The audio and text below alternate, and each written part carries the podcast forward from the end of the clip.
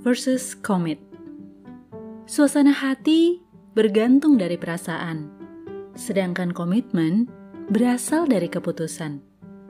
Meski good mood itu dapat menunjang perform, namun tak bisa kita bersandar pada good mood untuk melakukan segala sesuatu.